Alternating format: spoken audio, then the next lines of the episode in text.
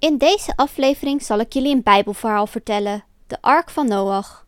En in het weetje van de aflevering komen jullie meer te weten over regenbogen. Welkom bij de Verhaaltjestijd podcast. Met om de maandag een nieuwe aflevering over sprookjes, volksverhalen, verhalen uit verschillende godsdiensten. En aan het eind van iedere aflevering zal ik afsluiten met een leuk weetje. Dit is aflevering 4 van de Verhaaltjestijd podcast, de Ark van Noach. De Bijbel bestaat uit een Oud en een Nieuw Testament. En beide worden verder opgedeeld in verschillende boeken. Het eerste boek van het Oude Testament heet Genesis. In de eerste hoofdstukken staat beschreven hoe de aarde is ontstaan, hoe God de wereld heeft geschapen. En daarna worden de verhalen van de eerste mensen op aarde, Adam en Eva en hun kinderen beschreven. Maar het verhaal dat ik nu zal vertellen komt na deze hoofdstukken en kun je teruglezen in hoofdstuk 5 tot en met 9.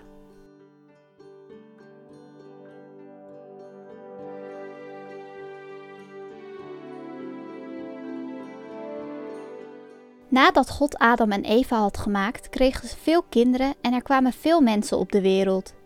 Er was veel geweld en haat. Iedereen vocht om zijn zin te krijgen.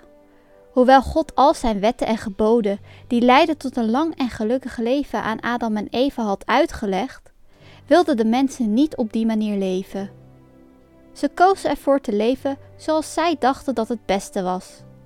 Ze namen zelf beslissingen over wat goed en slecht was. Ze wilden niet dat God hun dat vertelde. Het resultaat was grote ongelukkigheid en chaos op de hele aarde. Mensen vochten en doden voor de dingen die zij wilden hebben. Ze bedrogen, logen en stalen van anderen. En er was geen liefde meer voor andere mensen. De wereld was gevuld met tranen en ongelukkigheid. Het was triest voor God om te zien hoe slecht de mens was geworden. In de Bijbel staat: De Heer zag dat alle mensen op de aarde slecht waren. Alles wat ze uitdachten was steeds even slecht. En de Heer had er spijt van dat hij de mens op aarde gemaakt had. En hij voelde zich diep gekwetst. Maar er was maar één man op aarde die rechtschapen was. Van alle mensen op aarde was het alleen Noach die van God hield. Toen Noach 500 jaar oud was, had hij drie zonen: Sem, Gam en Javet. God zei tegen Noach: Ik heb besloten om een eind te maken aan het leven van alle mensen op aarde want door hen is de aarde vol geweld en onrecht. God zei Noach dat hij een ark met kamers erin moest maken. Een ark is normaal gesproken een soort houten kist, maar in dit geval was het een erg grote kistachtige boot, waar mensen en een heleboel dieren in konden. God gaf Noach heel nauwkeurige instructies hoe hij de ark moest bouwen. Het moest gebouwd worden precies zoals God het zei. Natuurlijk, God heeft de hele aarde gemaakt. Hij kon gemakkelijk zelf die ark bouwen, maar hij wilde dat Noach hem bouwde. God zei Noach dat hij de aarde ging vernietigen met een grote vloed. Noach wist dat hij de ark moest bouwen om te drijven en volgde de gedetailleerde instructies van God. Er zouden drie dekken zijn op de ark met veel kamers. De ark was ongeveer 135 meter lang, 22,5 meter breed en 13,5 meter hoog. Het is niet duidelijk hoe lang Noach erover gedaan heeft om de ark te bouwen. Waarschijnlijk deden hij en zijn zonen er vele jaren over. Ze werkten er hard aan. Ze moesten bomen omhakken en alle voorraden zelf verzamelen. De ark werd een gigantische boot. Mensen kwamen van ver om er naar te kijken. Ze bespotten Noach en zijn zonen terwijl die aan het werk waren. Ze waren hier een boot aan het bouwen en er was nergens water in de buurt.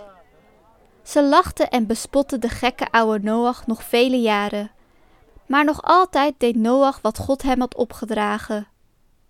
Noach vertelde de mensen wat er ging komen en dat ze hun slechte manieren van leven moesten veranderen en doen wat goed was. Maar niemand luisterde. Niemand had spijt van de manier waarop ze leefden. Niet één mens. Noach vond het heel jammer voor de wereld, maar hij begreep waarom God dit moest doen.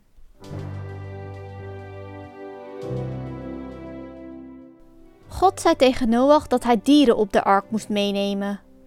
Noach moest mannetjes en vrouwtjesdieren meenemen, zodat er jonkies zouden komen om de aarde opnieuw te bevolken. Noach moest zeven paren van reine dieren en vogels meenemen en één paar van alle onreine dieren en vogels. God hoefde Noach niet meer te vertellen welke dieren rein en onrein waren. Rein en onrein betekende dieren die gezond zijn om te eten en dieren die niet gezond zijn om te eten. Noach had meer reine dieren nodig dan onreine dieren, zodat hij en zijn familie genoeg te eten zouden hebben. Hij moest dit snel doen, want God vertelde dat het over zeven dagen, veertig dagen en nachten zal gaan regenen op aarde. Maar gelukkig hoefde Noach geen vallen te zetten om de dieren op de ark te brengen, want God zorgde ervoor dat de dieren zelf kwamen.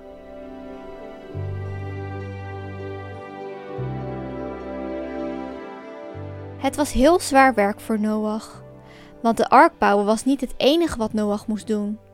Hij moest ook hooi en ander voedsel voor de dieren meenemen en hij moest voorbereidingen treffen voor zijn eigen familie. Ze moesten voedsel, kleren, bedden en andere dingen hebben. Eindelijk was de dag daar dat de Heer tegen Noach zei: Nu moet iedereen de ark in. Jij, je vrouw, je drie zonen en hun vrouwen. Noach en zijn familie zaten samen met alle dieren in de ark. Hij was ongeveer 600 jaar toen hij de ark inging. En het was ongeveer 1656 jaar nadat God de eerste man en vrouw gemaakt had. Hij en zijn familie zaten de hele week op de ark voordat het begon te regenen. Gedurende deze tijd lachten de mensen buiten en maakten grappen over Noach en zijn familie. Noach zelf moet zich wel afgevraagd hebben wanneer God de belofte die hij had gedaan waar zou maken. Na een week op de ark gezeten te hebben, begon het te regenen. Het regende harder en harder. Veertig dagen en veertig nachten. Het hield maar niet op. Eerst maakten de mensen zich er niet zo druk om. Maar na een tijdje begon men zich af te vragen of Noach toch niet gelijk had. Maar toen was het al te laat. De huizen liepen onder water en op een gegeven moment kwam het water tot over het dak. Sommige mensen bereikten de bergen, maar daar stroomde het water naar beneden en het water sleurde ze mee. Er was geen ontsnappen aan. Alle landdieren en alle mensen stierven op aarde, behalve degene in de ark. Noach en zijn familie verveelden zich niet in de ark. Er waren zoveel klusjes te doen. Ze moesten de dieren voeren en water geven, de stallen schoonmaken en er waren nog allerlei andere taken. Alle acht mensen op de ark bleven druk bezig. Toen de ark gebouwd werd, had God de instructie gegeven om er een raam in te maken. Als ze uit het raam keken, konden ze al het water zien. Overal was water. Toen de regens kwamen en de aarde overspoelde, werd de ark opgetild door het water en dreef het wat rond. Noach wist niet waar hij was en het maakte hem ook niet uit. Er was niets meer in leven op aarde behalve de vissen. De ark kwam na vijf maanden eindelijk tot rust en het duurde nog drie maanden voordat ze bergtoppen konden zien. Het water zakte langzaam maar zeker. Noach besloot op een gegeven moment het raam te openen en liet een raaf en duif naar buiten vliegen. De vogels vlogen over de wateren, maar toen ze geen rustplaats konden vinden, kwamen ze terug op de ark. De vogels wilden niet op het water landen. Noach wachtte nog een week en stuurde de duif nog eens weg. Deze keer kwam de duif terug met een olijfblad in zijn snavel. Noach wist hierdoor dat de wateren aan het zakken waren, dus hij wachtte nog een week en stuurde de duif nog eens weg. Maar dit keer kwam de duif niet meer terug en wist Noach dat het tijd was om uit de ark te komen. Na iets meer dan een jaar op de ark gezeten te hebben, konden Noach en zijn familie eindelijk naar buiten het land op. Noach bouwde een altaar voor de Heer en offerde één van elk rein dier en een rein vogel aan God. Hij bedankte God dat hij hem en zijn gezin in leven had gelaten. God zei toen tegen Noach: Ik zal nooit meer een vloed de hele aarde laten verwoesten, en ik zal nooit meer elk levende wezen vernietigen zoals ik gedaan heb. God sloot toen een verbond met Noach en zei: Dit is een teken van het verbond tussen jou en mij en elk levende wezen dat bij je is. Voor altijd. Ik zal mijn regenboog in de wolken zetten. En wanneer je dit ziet, zul je de belofte die ik heb gedaan herinneren. Dus de volgende keer als je een regenboog ziet, bedenk je dan dat dat een teken is van het verbond wat God met Noach en de hele wereld sloot? Dat hij nooit meer de wateren zou toestaan om de hele wereld te vernietigen. Het is een teken van Gods belofte. Dit was het Bijbelverhaal De Ark van Noach. We hebben gehoord hoe God de aarde liet overstromen, ook wel de zonvloed genoemd, omdat de mensen alleen maar slechte dingen deden.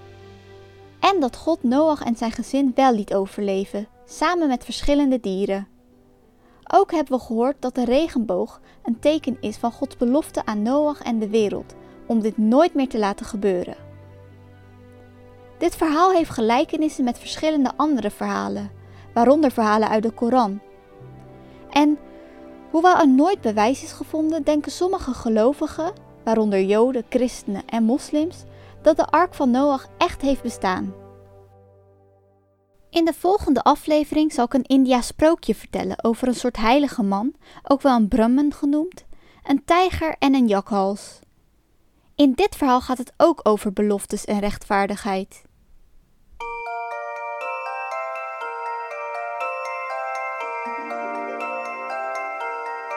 Het weetje van de aflevering gaat over regenbogen. Weten jullie hoeveel kleuren een regenboog heeft? Een regenboog is een gekleurde cirkelboog die in de lucht gezien kan worden wanneer de zon tegen de waterdruppeltjes aanschijnt en de zon achter je staat. Er ontstaat dan een regenboog met zeven kleuren. De zeven kleuren kun je van buiten naar binnen onthouden als rogbif. Want eerst komt rood, dan oranje, dan geel, groen, blauw, indigo en violet. Soms ontstaat er zelfs een dubbele regenboog, maar die heeft de omgekeerde kleurvolgorde van een normale regenboog. Dus de volgende keer als je een regenboog ziet, kun je kijken of je alle zeven kleuren kan zien.